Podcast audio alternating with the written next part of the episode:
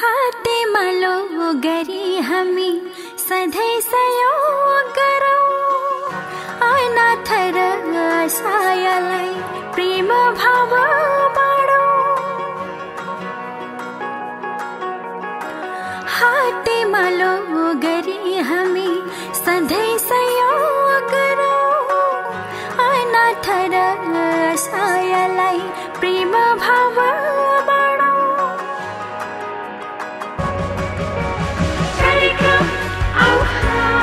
नमस्कार मासिक रेडियो कार्यक्रम आह्वानबाट म गोपालको हरेक अङ्ग्रेजी महिनाको पन्ध्र तारिक तपाईँले love and support फाउन्डेसनको website W W W dot love and support foundation dot ओआरजीमा online radio कार्यक्रम आह्वान सुन्न सक्नुहुनेछ। परोपकारी तथा गैर नाफामूलक सामाजिक संस्था लभ एन्ड सपोर्ट फाउन्डेसनद्वारा सञ्चालित यो कार्यक्रम परोपकार मनोरञ्जन तथा समाजसेवाको क्षेत्रमा भएका कार्यहरूमाथि केन्द्रित हुनेछ।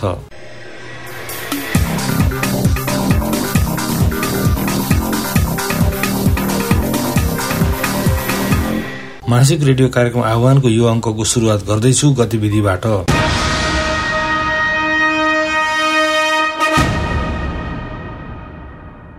बेलायती महारानी एलिजाबेथका श्रीमान राजकुमार फिलिपको निधन भएको छ। जन्मको एक शताब्दी मनाउने दिन गनिरहेका राजकुमार फिलिपको उनान्सय वर्षको उमेरमा एघार अप्रेलमा निधन भएको हो। राजकुमार फिलिपको निधनबाट बेलायत शोकाकुल भएको छ। सन् उन्नाइस सय एक्काइसमा ग्रीस राजपरिवारमा जन्मिएका फिलिपको सन् उन्नाइस सय सडचालिसमा महारानी एलिजाबेथसँग विवाह भएको थियो।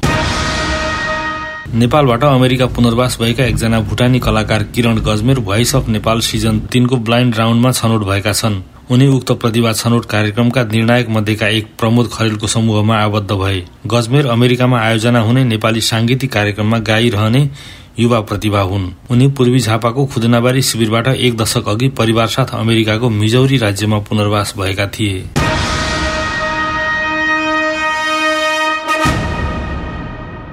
सधैँ चाहिँ आजको अङ्कमा पनि अबको पालोमा साहित्यिक प्रस्तुति सुनौ सहकर्मी देवकी खनाललाई।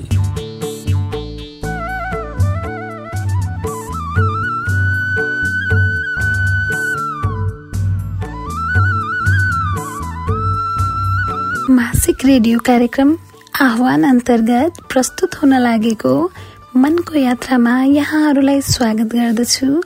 म देवकी शर्मा। यस खण्डमा साहित्यिक रचनाहरू पस्किनेछु।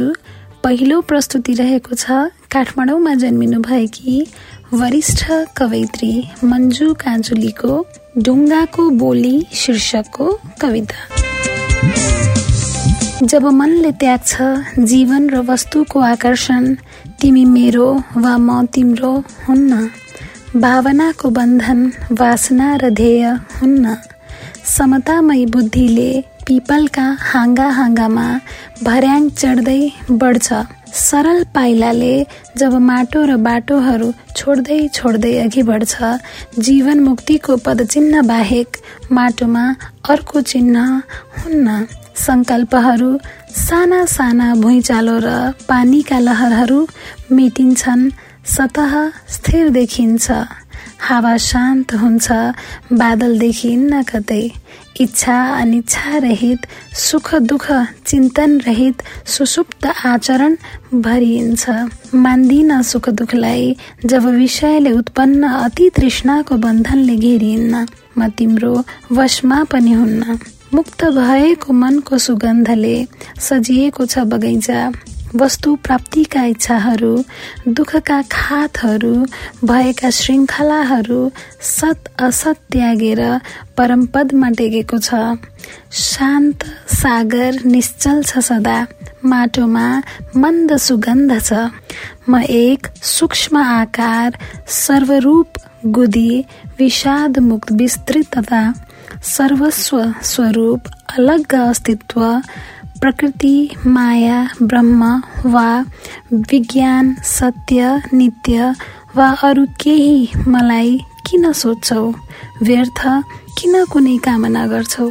यो सबै सांसारिक प्रपञ्च मलाई थाहासम्म हुन्न थोरै सहजीवीहरूको अलिकति मन दुखेर तिनको अभिमत बोलेको छु। दुखी छैन। आन्तरिक दृष्टि छ। अणु परमाणु भित्र गति जारी छ। बाह्य जगत हेरेको छु। प्रपञ्च रहित अवस्थामा बाहिरी रूपले तिम्रो आचरण पनि बेहोरेको छु।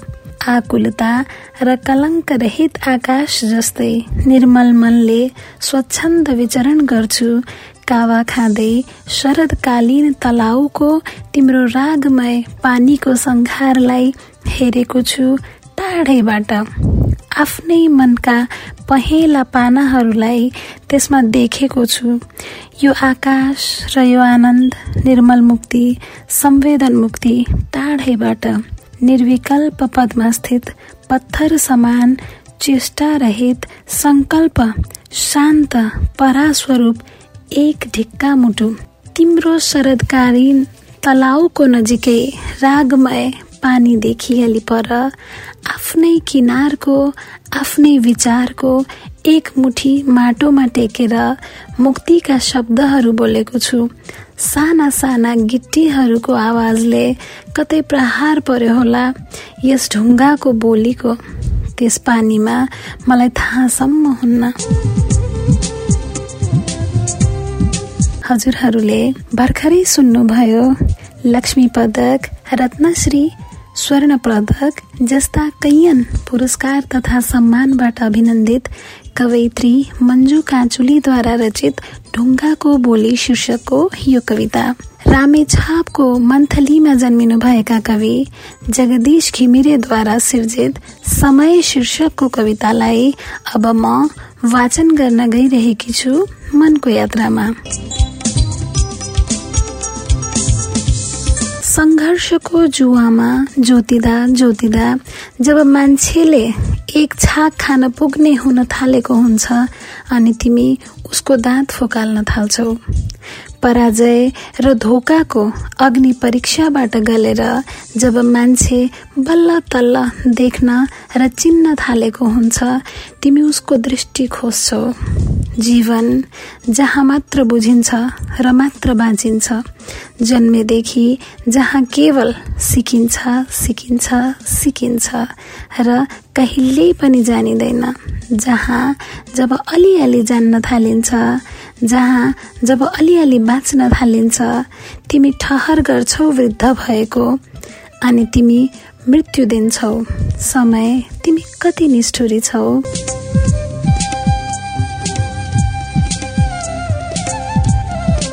सुन्दै हुनुहुन्थ्यो कवि जगदीश घिमिरेको समय शीर्षकको यो कविता। तपाईँ सुनिरहनु भएको छ लभ एन्ड सपोर्ट फाउन्डेसनद्वारा उत्पादित मासिक रेडियो कार्यक्रम आह्वान। अब म वाचन गर्न गइरहेकी छु भोजपुरमा जन्मिनु भएका कवि एसपी कोइरालाको एक अञ्जुली उज्यालो शीर्षकको यो कविता। शकुनीको पासालाई उज्यालो पटक्कै मन पर्दैन। धृतराष्ट्रको आँखालाई उज्यालो फिटिक्कै मन पर्दैन। द्वापर युगको उज्यालोले त कलियुगे पापी पेट छान भर्दैन।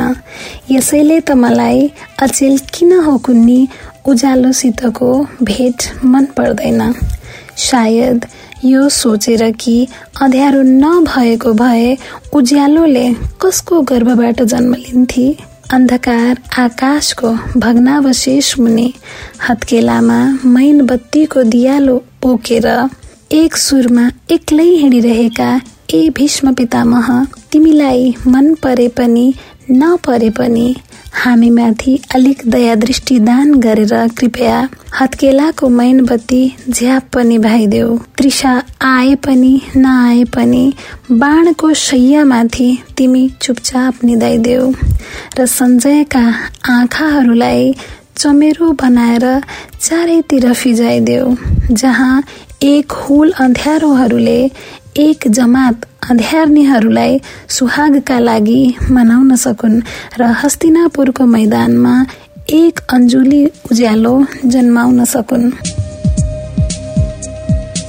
यहाँहरूले सुन्दै हुनुहुन्थ्यो कवि एसपी कोइरालाको एक अञ्जुली उज्यालो। शीर्षकको यो कविता अब म वाचन गर्न गइरहेकी छु काठमाडौँ मखनटोलमा जन्मिनु भएका कवि कुमार नेपालको हृदय शीर्षकको यो कविता।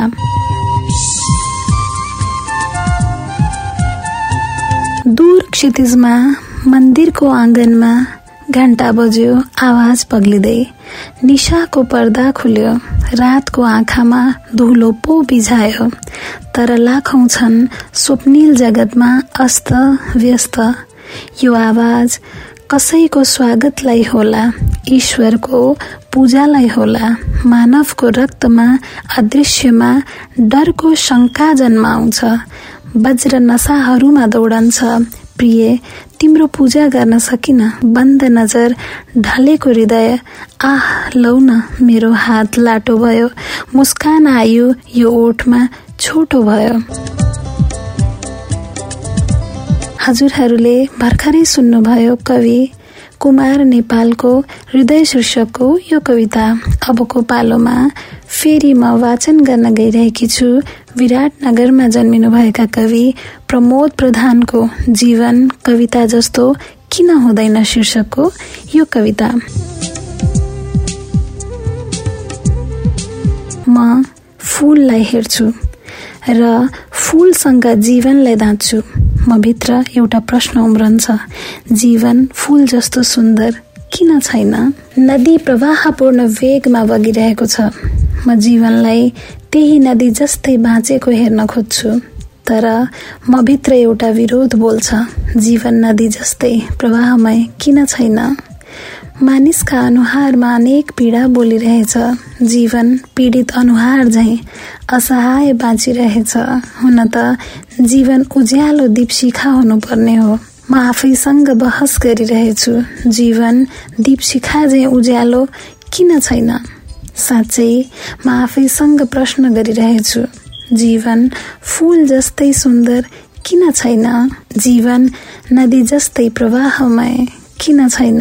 जीवन दीपशिखा जस्तै उज्यालो। किन छैन? म आफैसँग बहस लडिरहेछु। जीवन यात्रा जस्तै रोमाञ्चकारी किन छैन? जीवन सङ्गीत जस्तै सुरिलो किन छैन? जीवन कविता जस्तो किन छैन? हामी सुन्दै थियौँ कवि प्रमोद प्रधानको जीवन कविता जस्तो किन हुँदैन शीर्षकको यो कविता। अब फेरि म वाचन गर्न गइरहेकी छु। सुनसरीमा जन्मिनु भएका कवि गोविन्द ढकालको युग र म शीर्षकको यो कविता। युग तिमीले पिउन लागेको शरबतको गिलासमा एक टुक्रा बरफ म। क्रमशः बिलिँदै जानेछु। युग तिमीले तान्दै गरेको चुरोटको एक सरको धुवामा क्रमशः हावामा विलिन हुनेछु। युग तिमीले हिँडेका थुप्रै पाइलाहरूमा म एक डोब धेरै पछि छोडिनेछु। युग महाबली तिमी म एउटा अणु तैपनि मान्छेको महत्ताको गीत भएर म तिम्रो मुटुभित्र धड्किरहनेछु। भर्खरै मैले वाचन गरेँ कवि गोविन्द ढकालको युग शीर्षकको यो कविता। अब भने म मनको यात्राको विसौनीमा पुग्नै लागे। आजको प्रस्तुतिका लागि अन्तिम सामग्री मेरो हातमा रहेको छ अमेरिकाको ओहायोमा बस्नुहुने नेपाली भाषी भुटानी साहित्यकार प्रतिमान शिवाको म जयमायाको सन्तान हो शीर्षकको यो कविता। ममताको फेदीमा उभिएर राष्ट्रियताको शिखरसम्म चढ्न तयार आफ्नै भूगोलको देशान्तर र अक्षांशमा अल्झिएर एउटा महादेशदेखि अर्को महादेशसम्म बुर्कुसी मार्दा मार्दैको म आदिम पुरुष अनि तिमी मेरी हब्बा तथ्य नमिलेको साध्य चाहिँ व्याकरण नमिलेको सङ्घर्षमा हामी कहिलेसम्म बल्झिरहनेछौ? हो। हामी हरदम जलिरहनेछौँ तर कदाचित म ऐया आथा भन्दिन। किनभने जहाँ पुगे त्यही दस नङ्ग्रा खियाउने आफ्नै रगत र पसिनाले जिउने म वीर जय मायाको सन्तान हुँ। टिस्टा रङ्गीतदेखि किल्ला काङ्गडा र सतलुजसम्म उदाउन सक्ने हामी आज पोछु र मोछुदेखि हारेर मानस र धनसिरीदेखि भागेर यहाँ डोरीको सहारा म पक्कै लिन्न। किनभने धरती मेरो देश ठान्ने पौरख मेरो हतियार मान्ने म वीर जयमायाको सन्तान। कवि प्रतिमान शिवको म जयमायाको सन्तान हो शीर्षकको यो कवितासँगै मनको यात्राबाट यो अङ्कका लागि विदा माग्नुपर्ने बेला भइसकेको छ। सुनेर साथ दिनुहुने यहाँहरू सबैलाई धन्यवाद। तपाईँहरू पनि यो कार्यक्रमका लागि आफ्ना रचनाहरू पठाउनुहुन म हार्दिक अनुरोध गर्दछु। हाम्रो ठेगाना हो love and support foundation dot ORG यो कार्यक्रम तपाईँ love and support फाउन्डेसनको website W W W dot love and support foundation dot ORG log on गरेर पनि चाहेको बेला सुन्न सक्नुहुनेछ। यसै गरी नेपालको झापा बिर्तामोड स्थित रेडियो भिजन एकानब्बे दशमलव छ मेगा हर्जबाट पनि हरेक अङ्ग्रेजी महिनाको सोह्र तारिक स्थानीय समय अनुसार साँझ आठ बजेको भिजन न्युज पछि सुन्न सक्नुहुनेछ। कार्यक्रम सुनेर सुझाव टिप्पणी वा प्रतिक्रिया पठाउन नभुल्नुहोला। हामीलाई पत्राचार गर्ने ठेगाना हो info at love and support foundation dot ORG Kumar Bhattarai पूर्वी नेपालका एकजना चिनिएका साहित्यकार हुनुहुन्छ। झापा शनिश्चरेका स्थायी बासिन्दा भट्टराईका पाँचवटा कृति प्रकाशित छन्। नसमेटिएका पाइलाहरू र बकाइनु दुईवटा कथा संग्रह धनबहादुर र म र अश्वत्थामा उपन्यास मेरो कविता संग्रह र कृष्ण सूत्र काव्य उहाँका प्रकाशित कृति हुन्। उहाँको आफ्नै मेरो रेडियो एक सय पाँच मेगा रहेको छ। मेरो शब्द डट कम अनलाइनका सम्पादक पनि हुनुहुन्छ भट्टराई। अखबारहरूमा पनि लेख्नुहुन्छ नेपाली मुफसलको साहित्यको अवस्था र यसका आयामबारे गरिएको कुराकानी अबको पालोमा कुमारजी साहित्यमा तपाईँको रुचि सुरुका दिनमा कसरी भएको? हो विशेष गरेर हाम्रो परिवारमा दाजु साहित्य क्षेत्रमा हुनुहुन्थ्यो अनि स्कुलमा हामी शनिश्चरी माध्यमिक विद्यालय पढ्थ्यौँ। त्यो स्कुलमा चाहिँ हरेक शुक्रबार साहित्यिक कार्यक्रम हुन्थ्यो। त्यो कार्यक्रममा मलाई पनि कविता सुनाउने रहर जाग्यो। र कक्षा चारमा पढ्दा मेरो दिदीको सहयोगमा एउटा कविता लिएर गएँ। त्यो कविता मैले लेखेको थिएन दिदीले लेख्नु भएको थियो। त्यो कविता मैले सुनाएँ। सुनाएपछि म प्रथम भएँ। त्यो भएपछि मलाई लाग्यो अब चाहिँ मैले आफै लेख्नुपर्छ। यो एकदम सम्मान पाइने विषय रहेछ। त्यस पछाडि आएर मैले घरमा कविता लेखेँ। त्यो कविता लेखिसकेपछि अनि मैले दाजुलाई देखाएँ दिदीलाई देखाएँ आमालाई सुनाएँ। सुनाउँदै सुनाउँदै त्यस पछाडि बिस्तारै स्कुलका साहित्यिक कार्यक्रमहरूमा सहभागी हुन थालियो। स्कुलले पनि विभिन्न क्षेत्रमा साहित्यिक कार्यक्रमहरू हुँदा यस प्रतियोगितात्मक कविगोष्ठीहरूमा मलाई पठाउन थाल्यो। त्यस पछाडि दाजुहरूको सङ्गतमा स्थानीय झापा जिल्लाका वरिष्ठ साहित्यकारहरूसित सम्पर्क समन्वय भयो। सानैदेखि उहाँहरूसितको सामिप्यताले एउटा किसिमको ऊर्जा पनि मिल्यो। र यसरी नै बिस्तारै बिस्तारै साहित्य क्षेत्रतिर अगाडि बढ्दै गयो नेपाली मोफसलको साहित्य अहिले कुन अवस्थामा छ? अहिले पनि साहित्य मोफसल केन्द्रित भइसकेको छैन। अर्थात् साहित्यमा संहिता पूर्ण रूप पाइसकेको छैन। किनभने मिडियाहरू प्रकाशकहरू सबैजना केन्द्रमै छन्।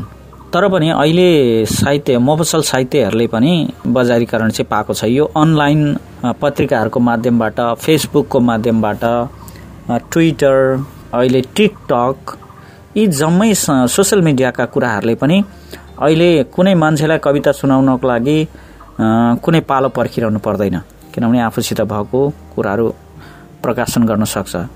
धेरै अनलाइन मिडियाहरू भएकाले गर्दा सबैले समेटिदिएका पनि छन्। तर पनि केन्द्रीय मिडियाहरू जो जो छन् उनीहरूले अहिले पनि नामी बनियाको मात्रै छाप्छन्। त्यो चाहिँ नाम चल्नु पर्यो। त्यो एउटा किसिमको त्यहाँभित्र सिन्डिकेट छ भने पनि हुन्छ। त्यो सिन्डिकेटभित्र जो कोही पस्नु सक्दैन। त्यहाँ पस्नको लागि विशेष गरेर प्रकाशकहरूले चाहिँ त्यसलाई होल्ड गरेर राखेका छन्। साहित्य क्षेत्रका ती पत्रकारहरू पनि प्रकाशन मिडियाहरूबाट पैसा पाएपछि मात्रै लेख्छन्। उनीहरूलाई स्थान दिने भएकोले गर्दा त्यही अनुसारको छ। त्यसकारण मोफसलको अहिले पनि केन्द्रसित लडाईँ त खेल्न सकेको छैन तर मफसलका मान्छेहरूको कुरा चाहिँ बाहिर चाहिँ निस्किन चाहिँ थालेको छ। मफसलबाट प्रकाशित कृतिहरूले राष्ट्रिय चर्चा तथा महत्व पाउने अवस्था कतिको छ? विशेष गरेर मोफसलबाट जुन कृतिहरू प्रकाशित हुन्छन् ती कृतिहरू चर्चामा आउँदैनन् आउनै सक्दैनन्। किनभने मैले अघि भने प्रकाशन गृहहरूले पत्रिकाहरूलाई चाहिँ होल्ड गरेर राखेका छन्। उनीहरूले जुन कृतिहरू चाहिँ बजारमा चाहिँ छर्न चाहन्छन् बिक्री बढाउन चाहन्छन् त्यो कृतिहरू जान्छ। मफसलका साहित्यकारहरूले आफ्ना कृतिहरू आफै प्रकाशन गरे हुन्छन्। त्यसकारण उनीहरूले बजार पुर्याउन सक्दैनन्। पुर्याउन नसक्ने भएकोले गर्दा त्यो कुरालाई मिडियाले लेख्दा पनि लेख्दैन। अनि फेरि उनीहरू पैसा बेगर लेख्दा पनि लेख्दैनन् किनभने व्यावसायिकताको कुरा छ। अर्कालाई उचालेर उल्लेख मैले के पाउँछु भन्ने अहिले मिडियामा चाहिँ आएको छ।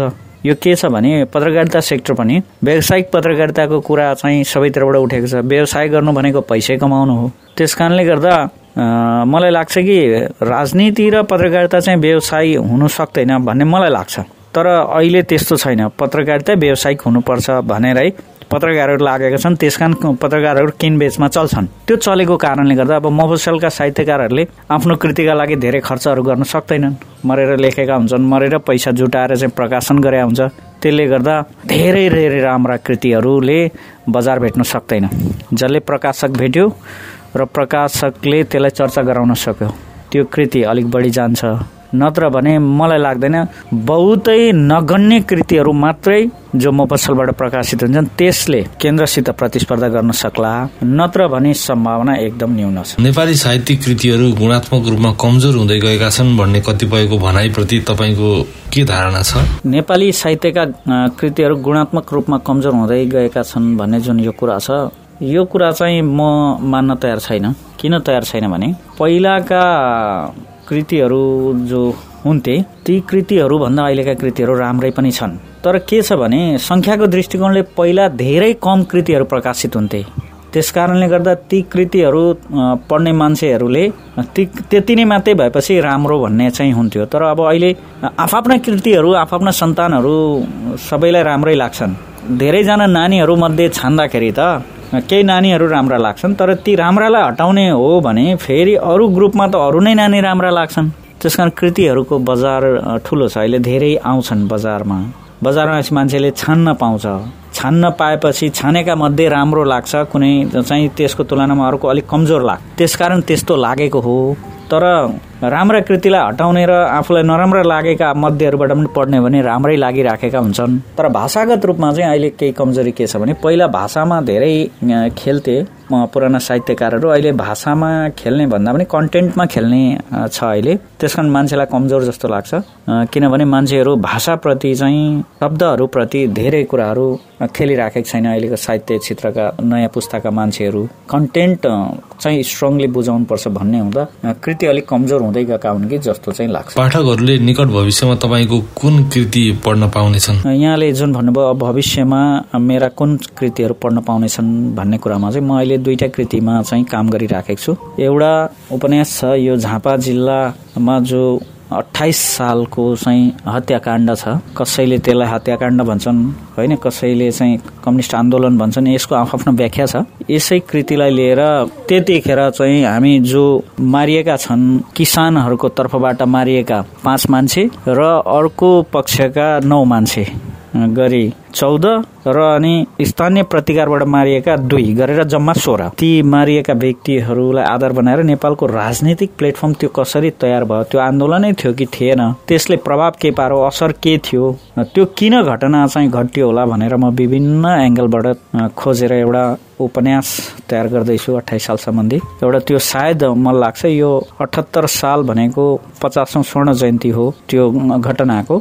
त्यस कारण त्यो एउटा तयार गर्दैछु र अर्को एउटा बुबाको साइकोलोजी माथि लेखेको एउटा बाबु भन्ने उपन्यास पनि तयार गर्दैछु। मलाई लाग्छ यो अठहत्तर र उनासीमा यी दुईटा कृति पालै पालो आउँछन् होला। कुमारजी खासमा तपाईँ के कुराबाट प्रभावित भएर लेख्नुहुन्छ? लेख्नलाई चाहिँ पहिला कुरा मान्छेले आफूले भोगेको परिवेश हुँदो रहेछ कि मान्छे कुन क्षेत्रबाट आएको छ कस्तो भोगेको छ र घटनाहरूलाई हेर्ने उसको दृष्टिकोण कस्तो छ त्यो विषयले गर्दा लेख्नेलाई अभिप्रेरणा गर्दो रहेछ। अब मलाई चाहिँ हेर्दै जाँदा कुनै विषयमा म अलिक बढी संवेदनशील भएँ भने एउटा त्यसले मलाई लेख्न प्रेरित गर्छ। अर्को चाहिँ मलाई त्यो कुनै पनि घटना आयो भने मान्छेले सरल रूपमा कुनै घटनाको व्याख्या गर्छन्। मलाई चाहिँ त्यो घटना भन्दा ठ्याक्कै त्यसको अपोजिट धार चाहिँ के हुन सक्छ यो एउटै यही मात्रै भएर घटेको हो त अर्को धार चाहिँ के थियो? त्यो कुराको विषय मलाई अलिक बढी खोज्न मन लाग्छ। त्यसले चाहिँ मलाई एक किसिमको यो विषय चाहिँ अब मान्छेले एउटा किसिमले उठाए अब यो विषय अर्को किसिमबाट उठाउनु पर्छ भन्ने लागेपछि म त्यो विषयमा लेख्नलाई मानसिक रूपमा तयार हुँदै जान्छु। तपाईँ प्रखर साहित्यकार कृष्ण धरावासीको भाइ हुनुहुन्छ। घरेलु वातावरणले पनि तपाईँलाई यस क्षेत्रमा सजिलो बनाइरहेको होला है। जहाँसम्म कृष्ण धरावासी मेरो दाजु हुनुहुन्छ भन्ने कुरा छ यो अलिक गलत कुरा हो। किनभने मेरो दाजु चाहिँ कृष्ण प्रसाद भट्टराई हो। अब धरावासी भनेको चाहिँ कृष्ण प्रसाद भट्टराईले कमाएको सम्पत्ति हो। अब के हुँदो रहेछ भने उहाँको आफ्नो आर्जनका कुराहरूमा बौद्धिक आर्जनका कुराहरूमा मेरो अंश लाग्दैन। भाइ भएपछि अंश लाग्नु पर्ने हो। अब धरावासीमा मेरो अंश लाग्दैन। त्यस कारणले गर्दा म धरावासीको भाइ होइन। अब साहित्यकार कृष्ण धरावासी मेरो गुरु साहित्यिक गुरु चाहिँ हो। किनभने म दाजुबाट प्रभावित भएरै लेखेको छु। भाषाहरू पनि धेरै कुराहरू दाजुसित मिल्छ नै भन्छन् पढ्नेहरूले। त्यस कारण उहाँ गुरु हो। अब घरमै विद्वान भएपछि घरमै गुरु भएपछि स्वाभाविक रूपले त्यस कुरामा मलाई सजिलो हुन्छ। म प्रभावित हुनु स्वाभाविक छ। सिक्नुलाई चाहिँ सजिलो भयो। तर साहित्य क्षेत्रमा चाहिँ मलाई सजिलो भएन। किन भएन भने अहिले तपाईँले नै क्वेसन गर्नुभयो कि तपाईँ कृष्ण धारावासीको चाहिँ भाइ हो भनिरहनु भएको छ। जस्तो मेरो आफ्नै छवटा कृति निस्केका छन् बजारमा। तर म कहीँ उभिएँ भने पहिला मलाई हेर्नुभन्दा अगाडि मेरो अनुहारमा मलाई चिन्नेले धरावासीको अनुहार चिन्छन्। त्यसले गर्दा धरावासीको भाइ त्यस कारण धरावासीको भाइ हुने बित्तिकै लेखिहाल्नु पर्ने भनेर मलाई चाहिँ मेरो लेभलबाट हेर्दैन धरावासीको लेभलबाट हेर्ने भएपछि मेरो आफ्नो पहिचान चाहिँ हराउँछ। नेपालमै एक दुईवटा कृति लेखेरै आफ्नो चाहिँ अमिट छाप बनाउनेहरू हुनुहुन्छ। मेरो चाहिँ छवटा कृति लेखिसक्दा पनि मलाई हेर्ने दृष्टिकोण चाहिँ मान्छेहरूको यो चाहिँ धरावासीको भाइ हो। त्यस कारण हेर्दा यसलाई हेर्दै धरावासीको आँखाबाट हेर्नुपर्छ भनेपछि म चाहिँ ओझेलमा हुन्छु। मेरो अनुमानमा पनि पहिला धरावासी चाहिँ देख्छन् मान्छेले। मलाई देख्दै देख्दैनन्। त्यसले गर्दा त्यो वातावरणको हिसाब किताबले मलाई चाहिँ अलिक समस्या भएको छ। अब दाइलाई पनि समस्या भएको छ। के छ भने कुनै अरू नयाँ मान्छेका कृतिहरूको बारेमा लेखिदिन दाईलाई गाह्रो छैन। तर कुमार भट्टराईको बारेमा लेख्दा चाहिँ भाइको बारेमा लेखो भन्ने आरोप लाग्छ। त्यस कारणले गर्दा यो साहित्यिक माहौलको हिसाब किताबले चाहिँ लेख्न ओढ्न सिक्ने कुरामा छलफल गर्ने कुरामा मलाई सजिलो भए पनि साहित्यिक क्षेत्र चाहिँ धारावासीको कारणले मलाई सजिलो चाहिँ छैन। समकालीन नेपाली साहित्यकारहरू मध्ये तपाईँको आदर्श व्यक्तित्व को हो? समकालीन नेपाली साहित्यकारहरू मध्ये आदर्श व्यक्तित्वको जुन कुरा गर्नुभयो त्यो हिसाब किताबले अहिले म व्यक्तिगतै रूपमा फलानु चाहिँ हो भनेर म भन्न सक्दिनँ किन सक्दिनँ भने अहिले एक सय एक मान्छेहरू छन्। एसएलसीको जाँचमा मार्क गरे जस्तो म गर्न सक्दिनँ किनभने आजै कमजोर लागेको मान्छे भरे भरे नै एकैछिनमा ऊ जति शक्तिशाली कोही हुँदैन। परिस्थिति यस्तो छ। अनि मलाई लाग्छ अहिले साहित्यकारहरू जो जो आइरहनु भएको छ नयाँ पुस्ताहरूमा नाम चल्यो यो त अघि मैले भने विज्ञापन नै रहेछ अहिले। जसको विज्ञापन भयो ऊ हामीले आदर्श जस्तो लागिराखेको हुन्छ। तर कैयौँ मान्छेहरू वरिपरिकै मान्छेहरू राम्रो लेख्ने कुराहरू राम्रो बोल्ने ती मान्छेहरूको चाहिँ प्रचार भइरहेको छैन त्यस कारण लागिराखेको हुँदैन। तर पनि मेरो वरिपरि हुने सबैजनाहरूबाट म एकदम प्रभावित छु। सबैको आफ्नो ठाउँमा अथक लगन परिश्रमहरू छ। उहाँहरू नै हो मेरो आदर्श। साहित्य क्षेत्रमा लाग्ने कला क्षेत्रमा लाग्ने खेल क्षेत्रमा लाग्ने जो पनि जुन जुन विषयमा रचनात्मक पक्षहरूमा लाग्नु भएको छ उहाँहरूबाट म केही न केही सिकिराखेकै हुन्छु सिक्ने प्रयास गरिराखेकै हुन्छु र उहाँहरू जस्तै रचनात्मक हुने कुरामा आफूलाई कसरी बनाउनु पर्छ भन्ने कुरामा म प्रयासरत हुन्छु। त्यस कारणले गर्दा मलाई लाग्छ उहाँहरू सबै नै मेरा लागि चाहिँ उत्तिकै मान्य हुनुहुन्छ। हवस् त कुराकानीको लागि धन्यवाद। धन्यवाद। मासिक रेडियो कार्यक्रम आह्वानमा अमेरिका बसोबास सहयोगी पुस्तकबाट साभार गरिएको सामग्री प्रस्तुत गर्ने क्रममा यस पटक अमेरिकामा सामाजिक सेवा र सार्वजनिक सहायता बारेको जानकारी प्रस्तुत गर्दैछौ। राजेश कोइराला र डगलस हलद्वारा सम्पादित उक्त पुस्तकबाट सामाजिक सेवा र सार्वजनिक सहायता सम्बन्धी जानकारी लिएर आउनुभएको छ। सहकर्मी द्रौपदी प्रधान। नमस्कार। म द्रौपदी प्रधान। आज म यहाँहरूको सामु सामाजिक सेवाहरू र सार्वजनिक सहायता बारे जानकारी लिएर उपस्थित भएकी छु। कम आय भएका परिवारहरूलाई मद्दत। तपाईँको बसोबास भएको सहर वा नगरमा अनेक सामाजिक सेवाका लागि नियोग यानि कि संस्थाहरू हुन्छन् जसले तपाईँ आत्मनिर्भर बन्ने प्रयास गरिरहेका बेला सहायता उपलब्ध गराउन सक्छन्।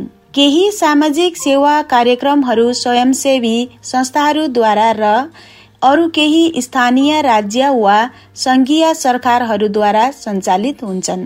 निजी सहायता। अमेरिकीहरू आफ्नो समय र पैसालाई स्वयं सेवामा खर्चन्छन्। उनीहरू सामाजिक सेवा गर्ने निजी संस्थाहरू मार्फत यस्तो सेवा गर्नुमा गौरव ठान्छन्। यस्ता संस्थाले फर्निचर लत्ता कपडा अङ्ग्रेजी कक्षा जागिरका लागि परामर्श दोभाषे सहायता वा आपतकालीन आवासको व्यवस्था गर्छन्। तपाईँको पुनर्वास संस्थाले त्यस्ता निजी संस्थाहरूबारे बताउँछन् र त्यस्ता संस्थासँग सम्पर्क गर्न सहयोग गर्दछन्। Food stamp. अमेरिकी सरकारले न्यून आय भएका परिवारहरूलाई एउटा कार्यक्रम मार्फत खाद्यान्न खरिदमा सहायता गर्छ। यो कार्यक्रमलाई बोलीचालीको भाषामा फुड स्ट्याम्प भनिन्छ। यद्यपि यसको औपचारिक नाम पूरक पोषण सहायता कार्यक्रम स्न्याप हो। यो कार्यक्रमलाई राज्यले सञ्चालन गर्छ र यसका नियम राज्य पछि फरक हुन्छन्। तपाईँ उक्त कार्यक्रम मार्फत पाइने सहायताका लागि योग्य हुनुहुन्छ वा हुनुहुन्न र प्रत्येक महिना कति सहायता पाउने चाहिँ तपाईँको परिवारको आकार तपाईँको आमदानी तपाईँको खर्च र तपाईँसँग कति नगद छ भन्नेमा भर पर्छ। साठी वर्षभन्दा बढी उमेरका व्यक्ति र अपाङ्गहरू भने यो सुविधाको लागि विशेष योग्य मानिन्छ। फुड स्ट्याम्पका लागि तपाईँले दिएको आवेदन स्वीकृत भयो भने तपाईँले इलेक्ट्रोनिक बेनिफिट्स ट्रान्सफर यानि कि इबिटी नामक प्लास्टिकको कार्ड पाउनुहुन्छ। फुड स्ट्याम्प बापत तपाईँको मासिक हिस्सा रकम महिना पछि कार्डमा स्वचालित रूपमा राखिदिन्छ। तपाईँले यो कार्ड खाद्यान्न खरिदका लागि स्टोरहरू र अन्य ठाउँमा प्रयोग गर्नुपर्छ। यो कार्ड अन्य घरायसी सामान रक्सी सुर्तीजन्य वस्तु वा तत्काल खान मिल्ने खानेकुरा किन्नु पर्दा प्रयोग गर्न मिल्दैन। हवस् त मासिक रेडियो कार्यक्रम आह्वानको आजको अङ्कबाट विदा माग्ने बेला भयो। कार्यक्रम सुनेर हामीलाई सुझाव टिप्पणी र प्रतिक्रिया पठाउन नभुल्नुहोला। कार्यक्रम सुनेर साथ दिनुभएकोमा तपाईँ सबैलाई धन्यवाद। अर्को महिनाको पन्ध्र तारिक अवश्य हाम्रो भेट हुने नै छ। तबसम्मका लागि प्राविधिक मित्र जीआर पाण्डे सहित हामी सबैलाई विदा दिनुहोस्। नमस्कार।